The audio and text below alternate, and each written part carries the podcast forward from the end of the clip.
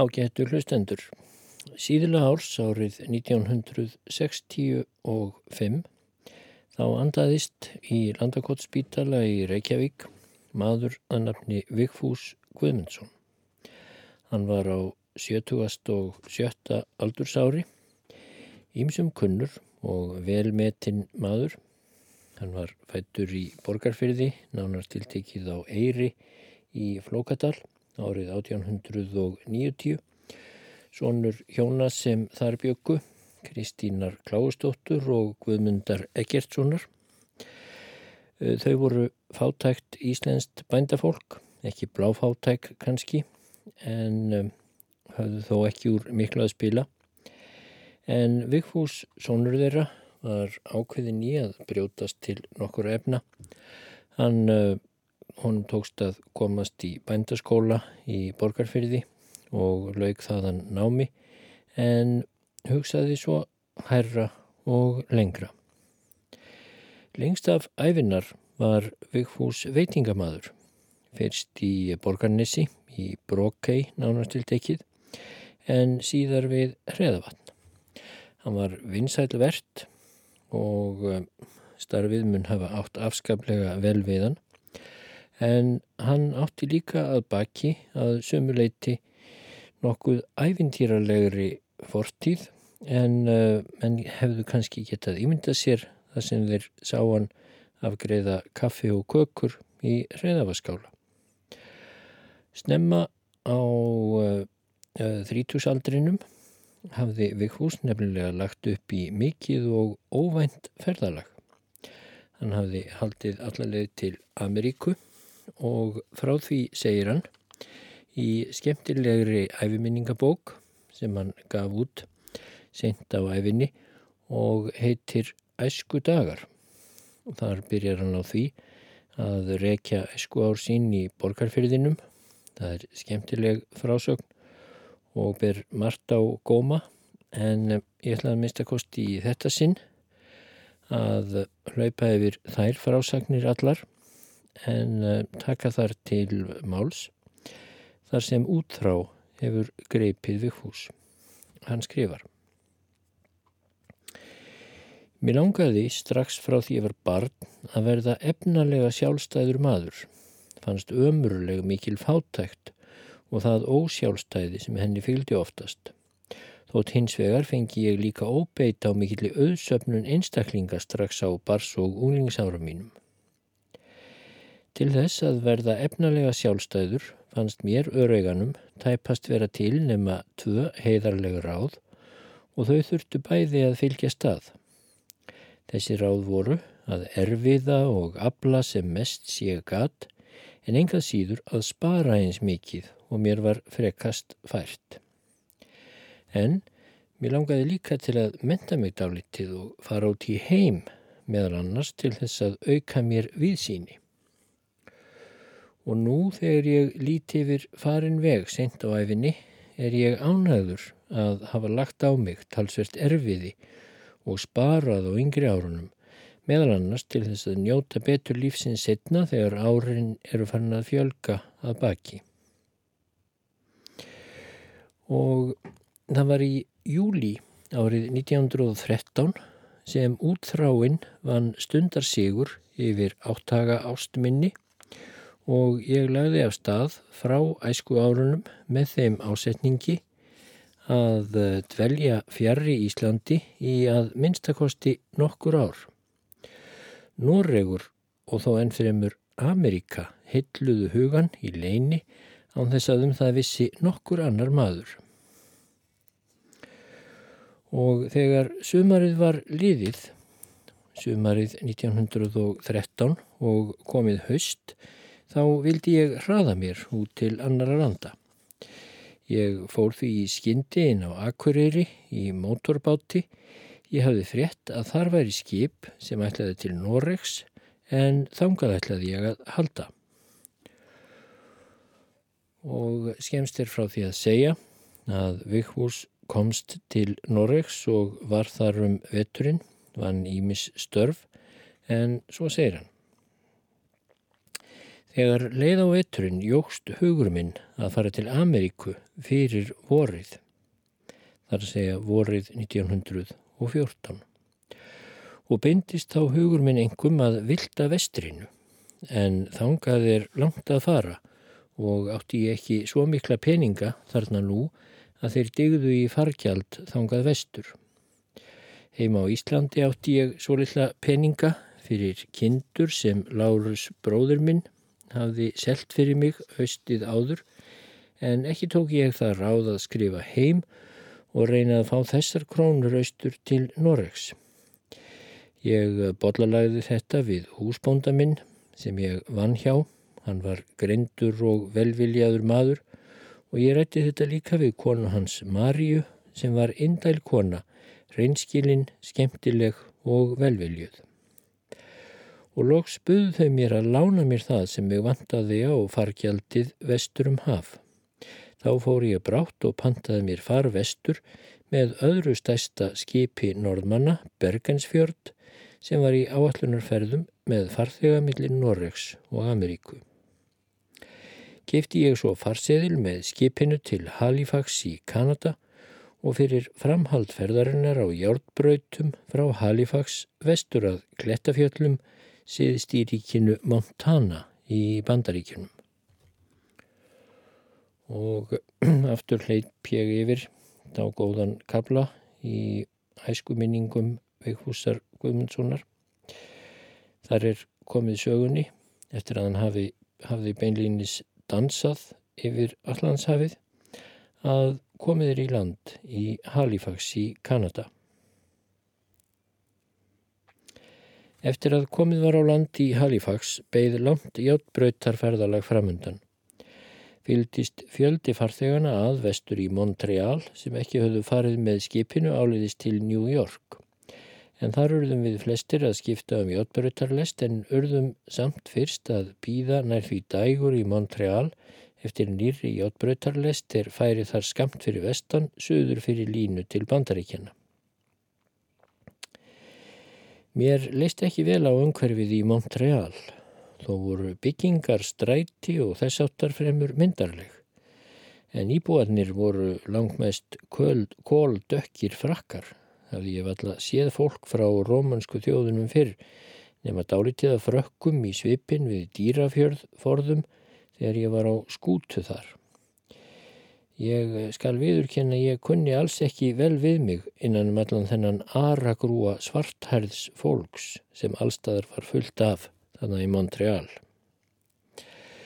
Lóksins þegar komist var af stað var fjöldi norðmanna í lestinni en smám saman fóru þeir að slitna úr hópnum engum eftir að kom söður fyrir landamerki Kanada og Bandaríkjana og þó mest þegar kom vestur í Norðuríkin, Minnesota, Norður Dakota og fleiri.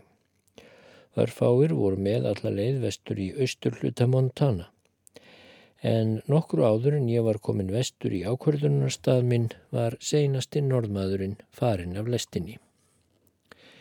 Þá var ég orðin algjör einbúi sem skildi ekki orð sem talað var umhverfis mig því litla sem enga ensku talaði ég og gætt heldur ekkert talað við nokkur mann. Ekki hafði ég orðin eitt sérlega hrifin af útsýninu yfir Ameríku. Allstaðar var landið grátt, því ekkert var enn farða grenga. Rítjulegur sífeldur skóur í lágum öldumynduðum hæðum eða sléttum austanvert í álfunni og sífeldum nær endalöysum sléttum og víðast algjörlega skólausum þegar vestar kom og þó mest áberandi í gegnum norður Dakota. Þar voru húsakofarnir dreifðir um alla sléttuna og bændabílinn síndust vera óvistleg þarna á eðilegum skólausum og marflötum sléttunum. Aðeins bólaði á einstaka stað og nokkrum lágum trjám við sögum bændabílinn. Þegar ég fórum þessar slóðir síðar eftir meira en aldar þriðjung Þá var mjög skiptum svip þarna. Þá voru hátri og vinalegi runnar komnir við flesta bóndabæja og sléttunum og við það hafði svipurinn breyst mjög mikið til batnaðar. En þegar kom vestur í Montana 1914 þá fór landið að skipta mjög um svip. Nú fóru að koma talsverðar öldumyndaðar hæður og skóartrija öðru kóru á strjálingi um þær. En fyrst á ákverðunarstaðunum blöstu við snæfi klætt fjöll og allháir berir fjallatindar, svona hérum bylji hálf hringi í söðri og vestri. Nú var ég líka komin í alókunnugt fjarlægt land í nýri heimsálfu. Ég vissi ekki einu sinni utan á skrift eins einasta manns í henni. En átti ég nokkuð eftir af þeim fjórum dollurum og nokkurum centum sem ég hafði átt í skotsilfri þegar ég kom á land í Halifax fyrir nýju dagurum síðan. Ég hafði alla þessa launguleið, öll þessi nýju dagur, tæplega nærst á nokkru nema þurru brauði og vatni og ég hafði oft orðið að taka á öllu mínu vilja þreki til að stríða á móti sultinum sem oft ásótti mig á leiðinni. En það var um að gera að standa sig vel því nú var að duga eða treppast. Einnig var ég nokkuð ítla haldin af svepleysi því að aldrei hafði ég sofið dúr á leiðinni frá Halifax nema smá stundir í móki stöku sinnum í sæti mínu í jötbröttarklefanum.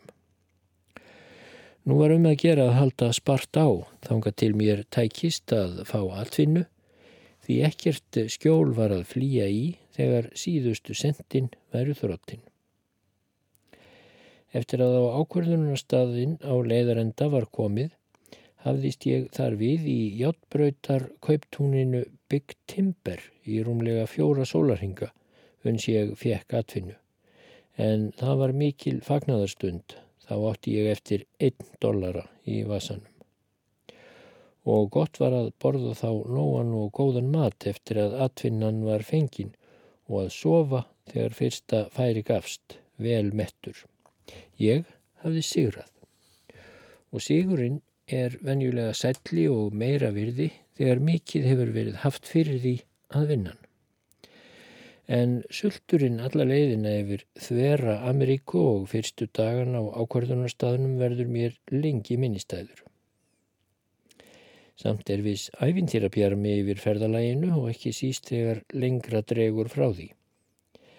Það hefur sérstakann ofenjulegan blæ á sér í endurminningunni að hafa dansað yfir Allandshafið frá Noregi til Kanada og síðan verið upp á vatn og brauð í nýju dægur yfir þvera Ameríku allarleið út í vilda vestrið og búa þar síðan við sama kost í fáeina daga þar til atfinnan barst upp í hendurnar. Sennilega hefur þetta alltaf verið nokkuð óvanarlegt fyrir íslenska afdala drengi og ímsir þeirra hafi ekki alltaf lifað á nægum lostætum mat nýja kvílt í dúnsængum fyrstu stundir sínar í fjarlægum löndum. Mesta töfralandið mun Ameríka hafa verið í augum mínum og jafnaldra minna um þær myndir.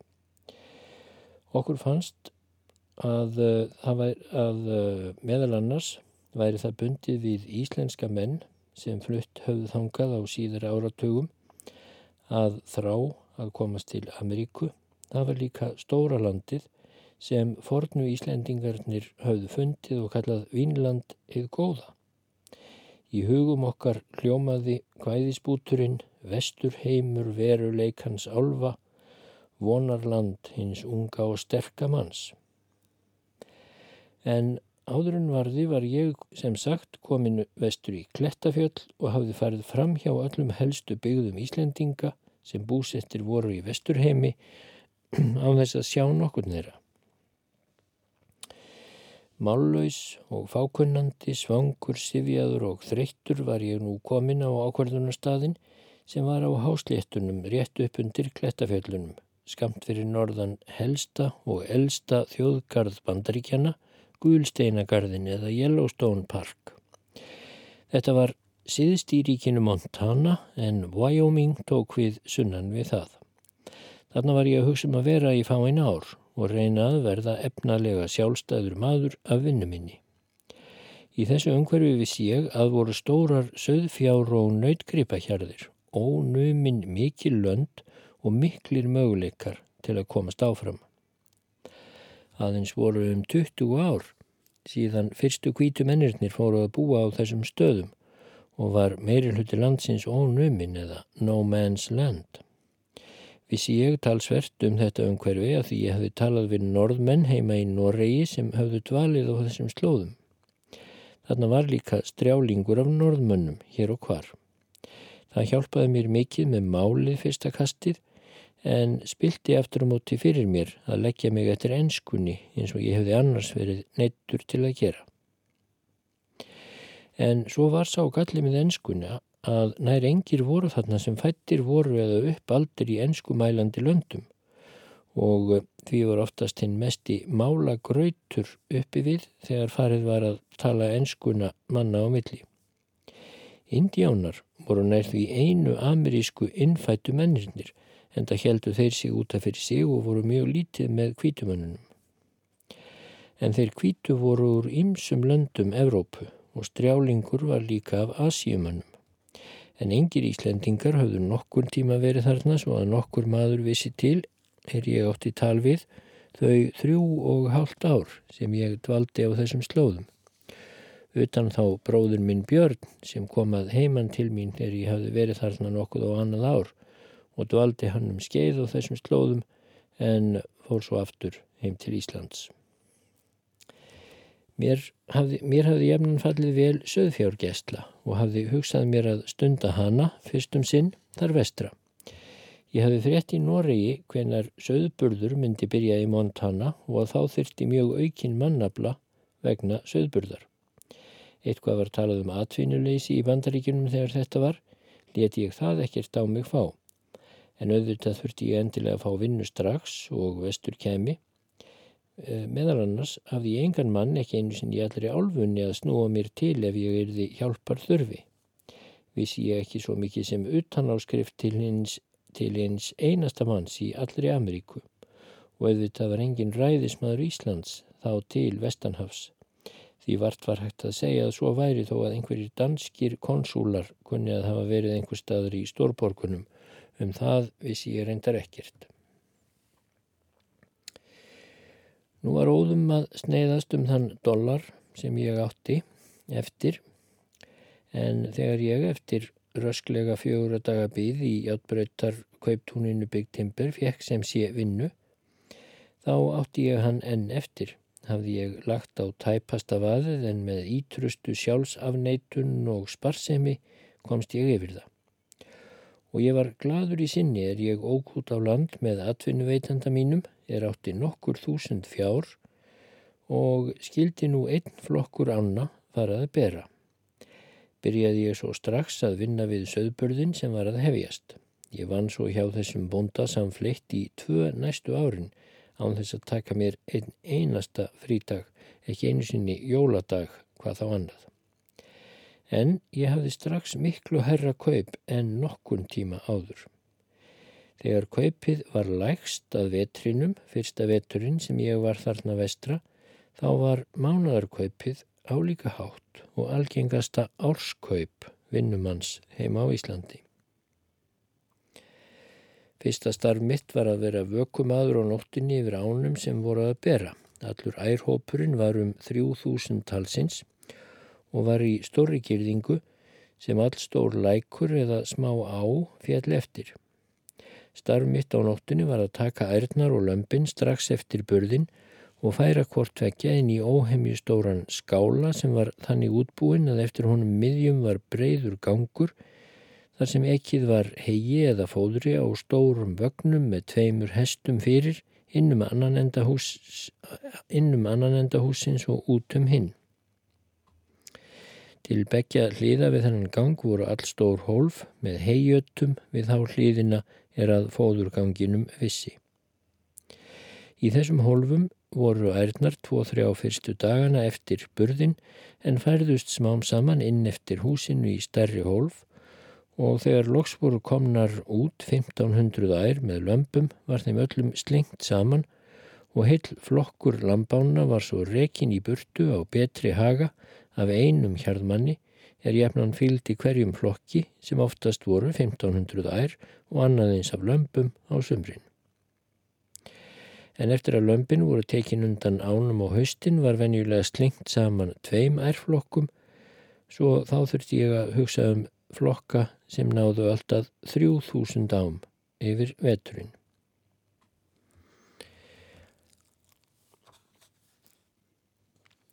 Þessir litlu klefar sem ærnar voru settar í voru fjöldamarkir og voru þeir fram með báðum hlýðarvekkjum húsins og til þess að ná ánum út í hérna stóru rétt eða girðingu þar sem þær báru höfðum við vinnumennisnir langa stöng með þannig krók á endanum að þegar annar afturfótur ærinnar rann í honum niður á klöfinni var hann fastur eftir að við vorum búin að koma króknum fram yfir fótleikin.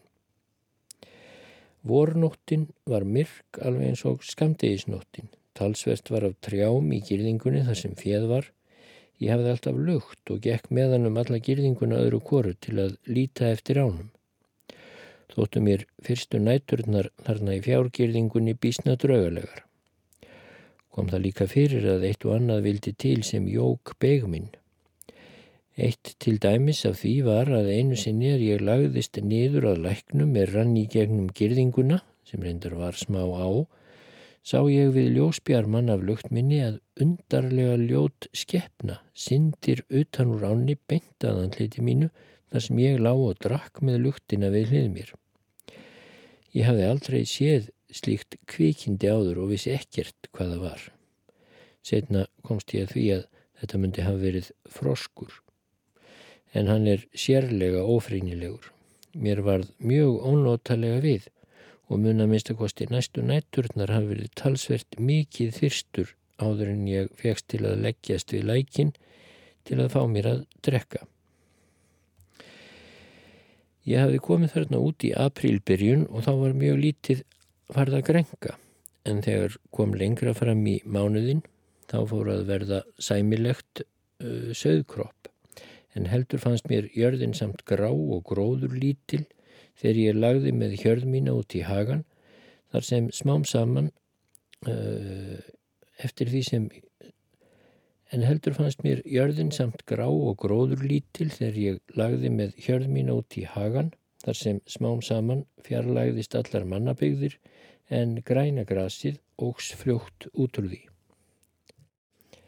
Starfsmaður hjá húsbónda mínum flutti búslóð mína út á hásléttunar í íbúðarvagni eða kampavagni. Það er vagna á fjórum hjólum er tveimur hestum var beitt fyrir til að draga vagnin á ákvörðunarstað. Þar var hann nokkra daga stundum alltaf hálfum mánuði þar til sami þjóttnin kom aftur og færði vagnin á nýjan stað svo hjörðin fengi nýtt og betra land til beitar. Þessir vagnar eru með tjaldkvelvingu yfir en trególf í þeim og bekkir með hliðum og betti til að sofa á í innregendanum. Þessir vagnar eru ágættis pústaðir á sömrum en mjög kaldir í frostavetrum meðan þeir eru ekki kynntir. En við hjarnmennirnir kynntum þá sveikalvöst þegar okkur síndist því ekki þurft að spara viðinu.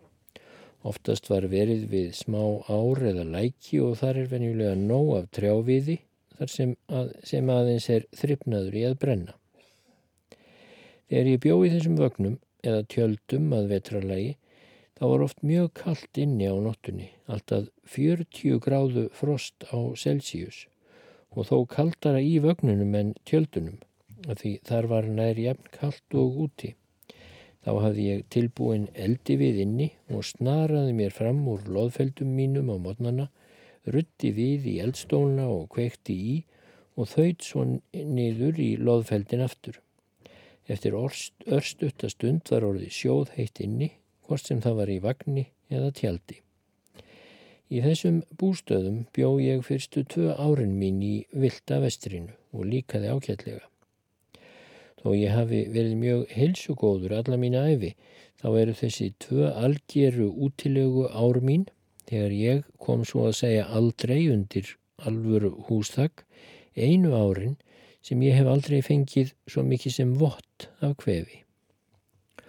Oft sá ég aldrei mann á milli þess að þjóttnin kom að færa mig í nýjan stað og kom þá með nesti til mín um leið en á milli þess leið oftast vika til hálfur mánuður. Ég mátti alltaf slátra þeirri kind úr hjörðinni sem ég leist best á til átu og þegar ég vildi. En gerði það þó ég vildi ekki fyrir en kom fram í júli. Þegar ég ætlaði að slátra tók ég vanalega riffilinn minn og miðaði á kindina sem ég valdi úr hjörðinni og kom aldrei fyrir annað en hún steinlægi við fyrsta skot. Ég hafði venjulega tvo fjárhunda með mér sem voru góðir félagar mínir, tryggir og vel vandir. Skipaði ég þeim fyrir verkum með höndunum en ekki með köllum. Skildu hundarnir þetta vel og störfuðu eftir því. Oft stóðu þeirra afturfótunum og eftir hjörðinni og litu eftir skipunum frá mér. En þá var ég ofta á undan fjárhópnum. Við hundarnir átum allir kjötið af kindunum eftir að þeim hafði verið slátrað þar til það var farið að skemmast. Þá var því flykt sem eftir var. En það var alltaf talsvert meðan heitt var í veðri á sumrin. Nýtingu á matvælum og öðru þarna í vildavestrinu er ekki hægt að hæla, en það er fljót aflað nöðþurta þarum slóðir. Einstakasinnum fór ég og sveið haus af nýslátraður í kind, það þótti mönnum tiltakanleg nýttni og jafnvel um of. Slíku var alltaf fleikt þar vestra og innmat einnig. Fæði var venjulega mjög gott, meðal annars mikið af nýjum þurkuðum eða niðursónum ávöxtum. Bissur hafði ég alltaf og let hjarðegandin, hjarðmannin, ætið hafa skotfæri eins og hann vildi. Mátti oft heyra á atvinnuveitenda mínum heldur velþóknun yfir því að ég þurfti venjulega talsveit mikið af skotfærum. Mununum hafa fundist að það benti á að ég myndi fæla villidýr frá hjörðminni og jáfnvel að ég efði mig svo mikið að skjóta að ég erði við það fímari skitta. Ég notaði mér þetta og var ekkert að spara ókepis skotfærin.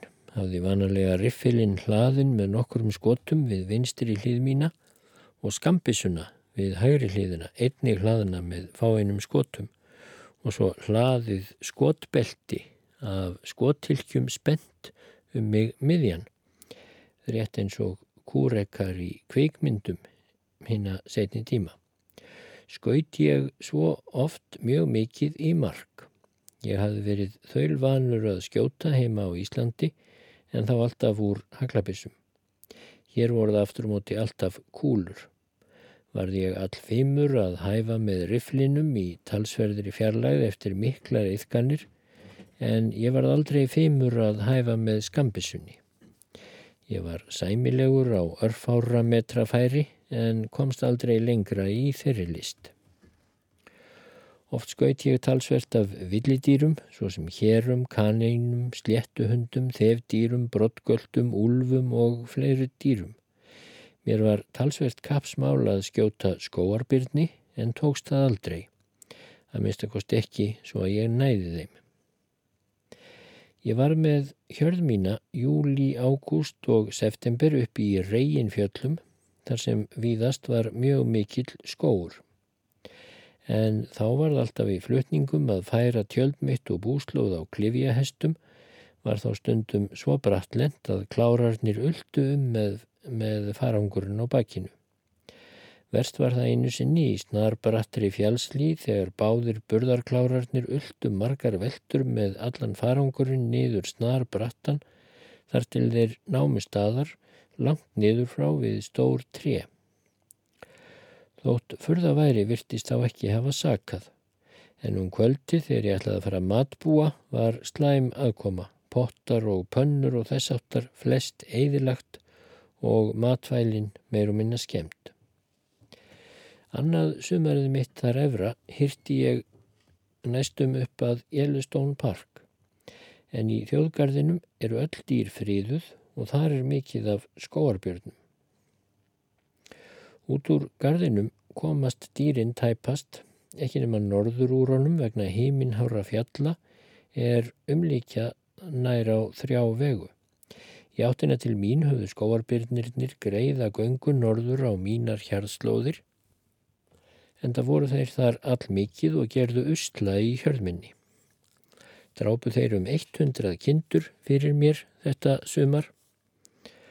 Smá tíndu þær úr hjörðminni, oft eina á nóttu og stundum tvær heilar vikurnar á þess að ég geti nokkuð að gert.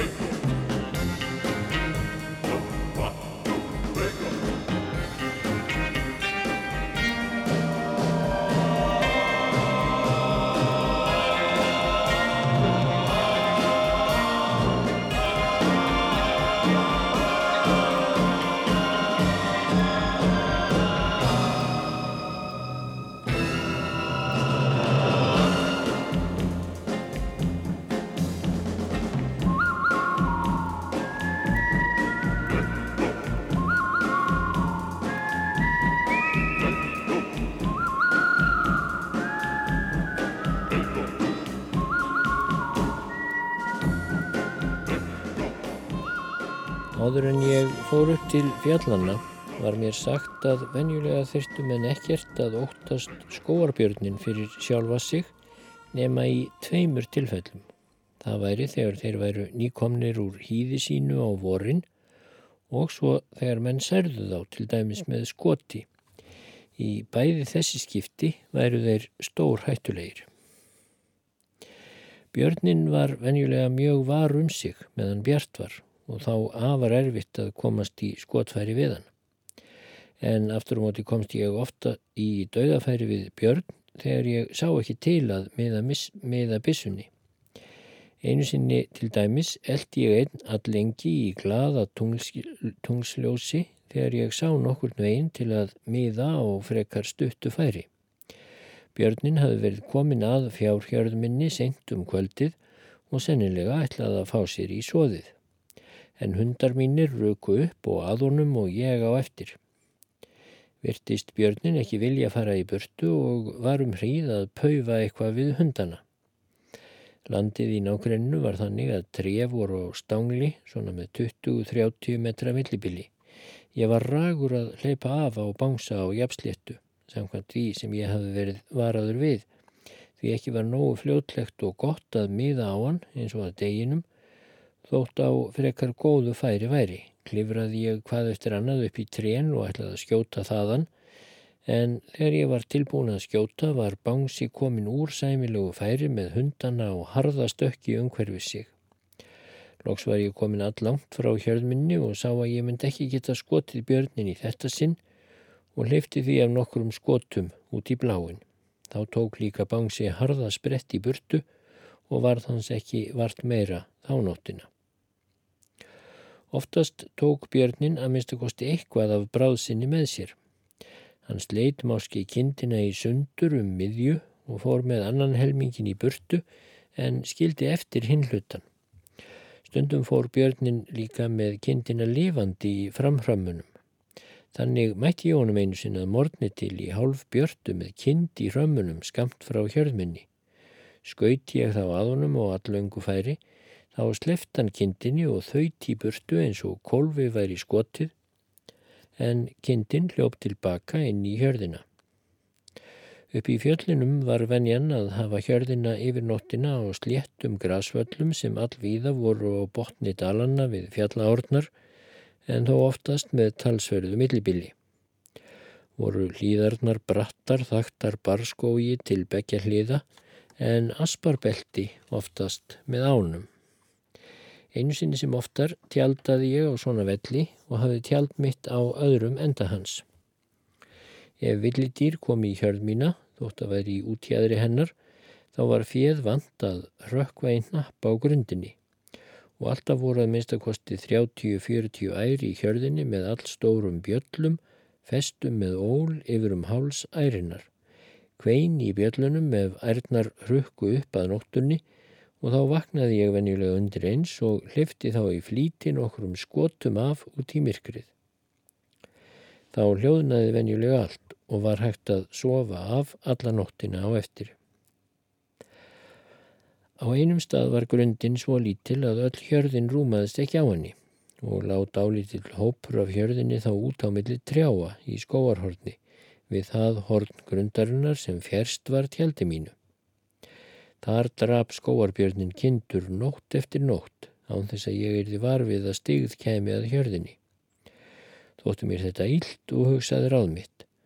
Kvöld eitt er svepptími var komin, skildi ég hunda mína eftir við tjaldið tók kvílupoka minn sem var samlitur fjennu og gekk út fyrir hornið á hjörðinni þar sem skóarbjörnin hafði verið að drepa undanfarnar nætur.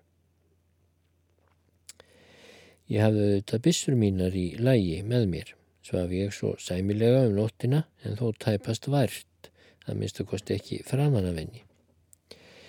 Þegar komið var fram að morgni og aðeins var tekið að byrta þá rekki upp við það að eitthvað kemur við kvílupoka minn. Hafði ég verið með höfuðið byrkt niður í honum og sofið. Flög mér í hugað annar hvort hundur, hundana minna hefði leitað mig uppi og væri komin þarna. Raki ég höfuðið upp úr kvílupokanum og stendur þá ekki þarna skóarbjörn yfir mér í ekki nema eins meters fjarlagð. Ég get ekki neyta því að mér varð verulega hvert við og raku böskur. En björnin varð vist enþá hrættari. Við horfumst í augu rétt eitt andartak og brá hann svo á feikna sprett upp alla hlýðina fyrir ofan. Þar hafði skóarbruni orðið fyrir mörgum árum og lágu trén þar í haugum og þvert hvert yfir annað svo að mjög var ógreitt yfirferðar. En Bangsi þaut þetta eins og hlemmi vegur væri og brotljóðin í trjágreininum kvínu við og blönduðust saman við hljóðið af nokkrum bissuskotum er ég hlifti af í á eftir honum. Nokkrar nættur lág ég þarna eftir þetta með hjörð mína en varð ekkert meira var við björnin á þessum stað nýja að hann dræpi nokkra kind úr hjörðminni næstu daga. Það var helst í ljósaskiptunum á kvöldin og mornana sem ég varð var við skóarbjörnin. Hann var þá ofta snöðra í næstan ágrenni en sást þó vanalega alls ekki til að nógur vel til að hægt væri að miða á hann bissu. Einu sinni í albjörtu komst ég nokkur megin í færi við hann en þó var færið heldur langt. Þá skaut ég á hann samt og miðaði á bógarna var vissum að hitta en það rak hann upp óurlegt öskur sem ég hef aldrei heyrt svipað til bjartirs fyrr nýja síðar. En hann þaut út í skógin og kvarf og hafði ég ekki meira af honum að segja. Var ég vissum að hafa særtan en ekki svo að ég hafi lagt hann að velli. Ég var næstu tímana sérstaklega varum mig samkvæmt því sem mér hafði verið sagt um björnin áður en ég fór til fjallana en ekkert bar til tíðinda og aldrei náði ég neinum skóarbyrni sem ég hafði þó sterkar löngun til. Þeim hjarðmanni sem gætti hjarðar á þessum slóðum næsta sumar tókst aftur móti að skjóta þar björnir, frétti ég. Einstakasinnum kom það fyrir þegar ég hafði verið fluttur á nýjan stað af þjóni fjáreigandans að ég komst ekki heim á bólið eða the camp að kvöldi. Þegar fjöð var búið að vera einið að fleiri nætur á bólinu rann það þangað næstu kvöld miklu auðveldar en þegar um nýtt ból var að ræða. Lá ég þá úti með fjöðstundum án þess að geta náði kvílupoka minn í myrkrinu sem var skollið á meðan ég var að bastla við fjöð.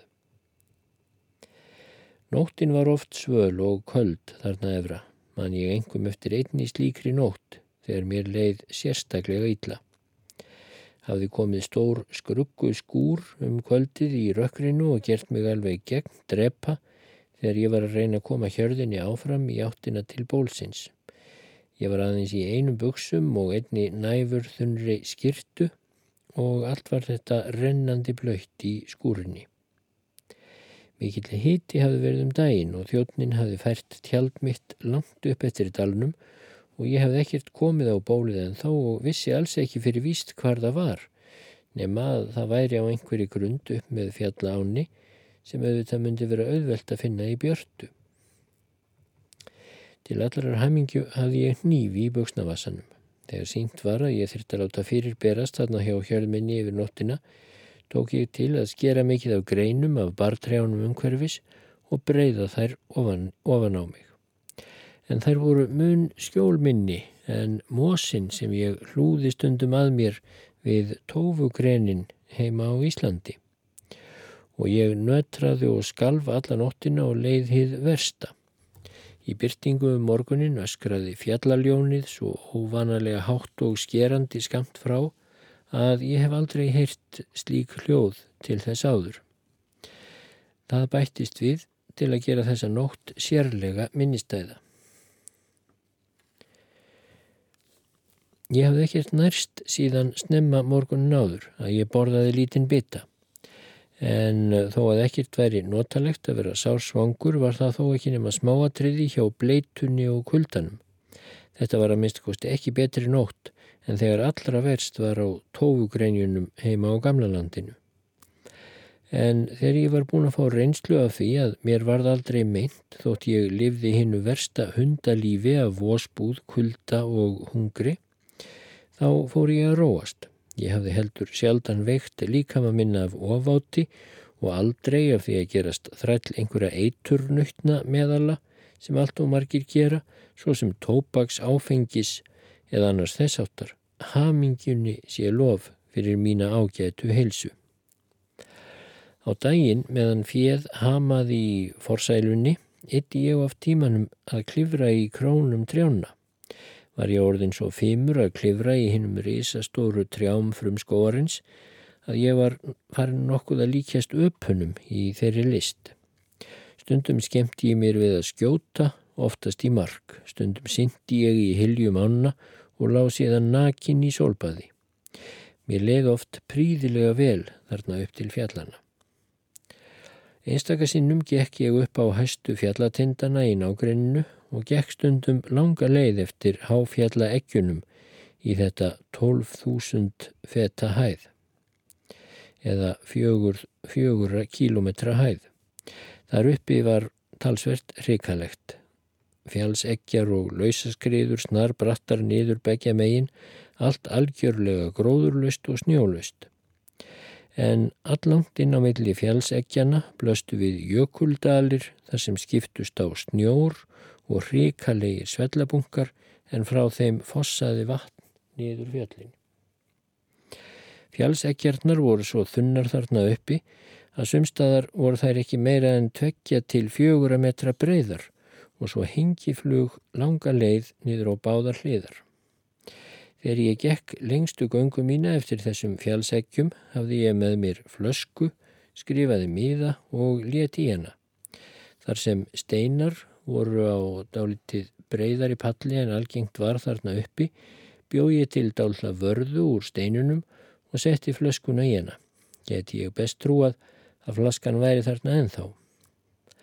En hrættur er ég um að ég myndi ekki reyna núna að komast þarna upp til að vitja um flöskuna þótt ég væri stattur í nákrenninu. Nú fer að líða að hálfri öld síðan þetta var. Ekki sá ég nokkur merki þessu uppi á þessum háfjalla eggjum að nokkur tíma hefði komið þar maður á undan mér. en hafi nokkur komið þar síðan hefur hann sennilega orðið þess var að Íslendingur hafi komið þar áður. Upp í fjöllunum er margt fleira villidýra en nefnd hafa verið.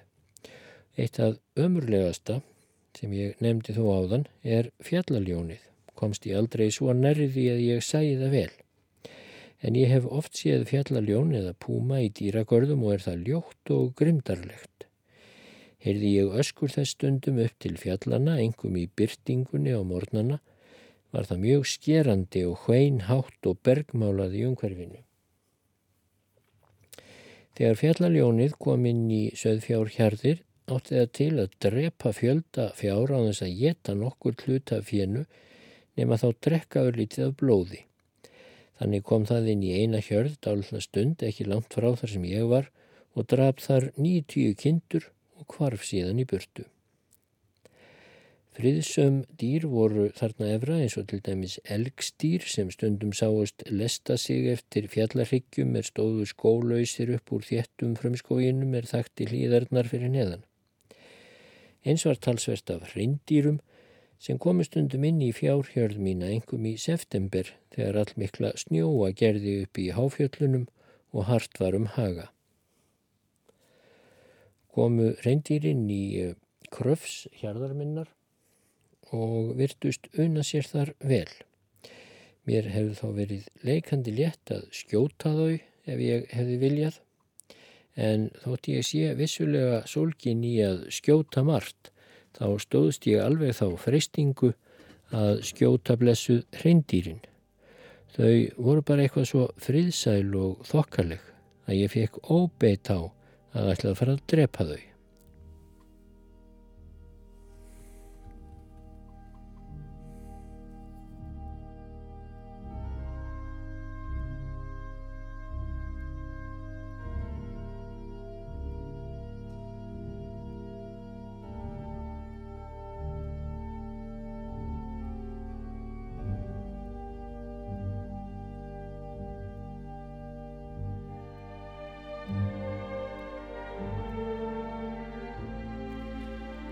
Vigfús Guðmundsson er ekki nema hálnaður í frásögu sinni af því þegar hann var hjarðmaður og síðar kúreki í vilda vestrinu. Ég ætla því að taka upp þráðin aftur í næsta þætti og þá segir meðal annars frá því þegar hann hittir fyrir tóman gullgravarabæ, þegar hann hittir fyrir hinn að innfættu indíjána, hóp af vændiskonum nögtum stúlkum að baða sig í fljóti og sitt hvað fleira.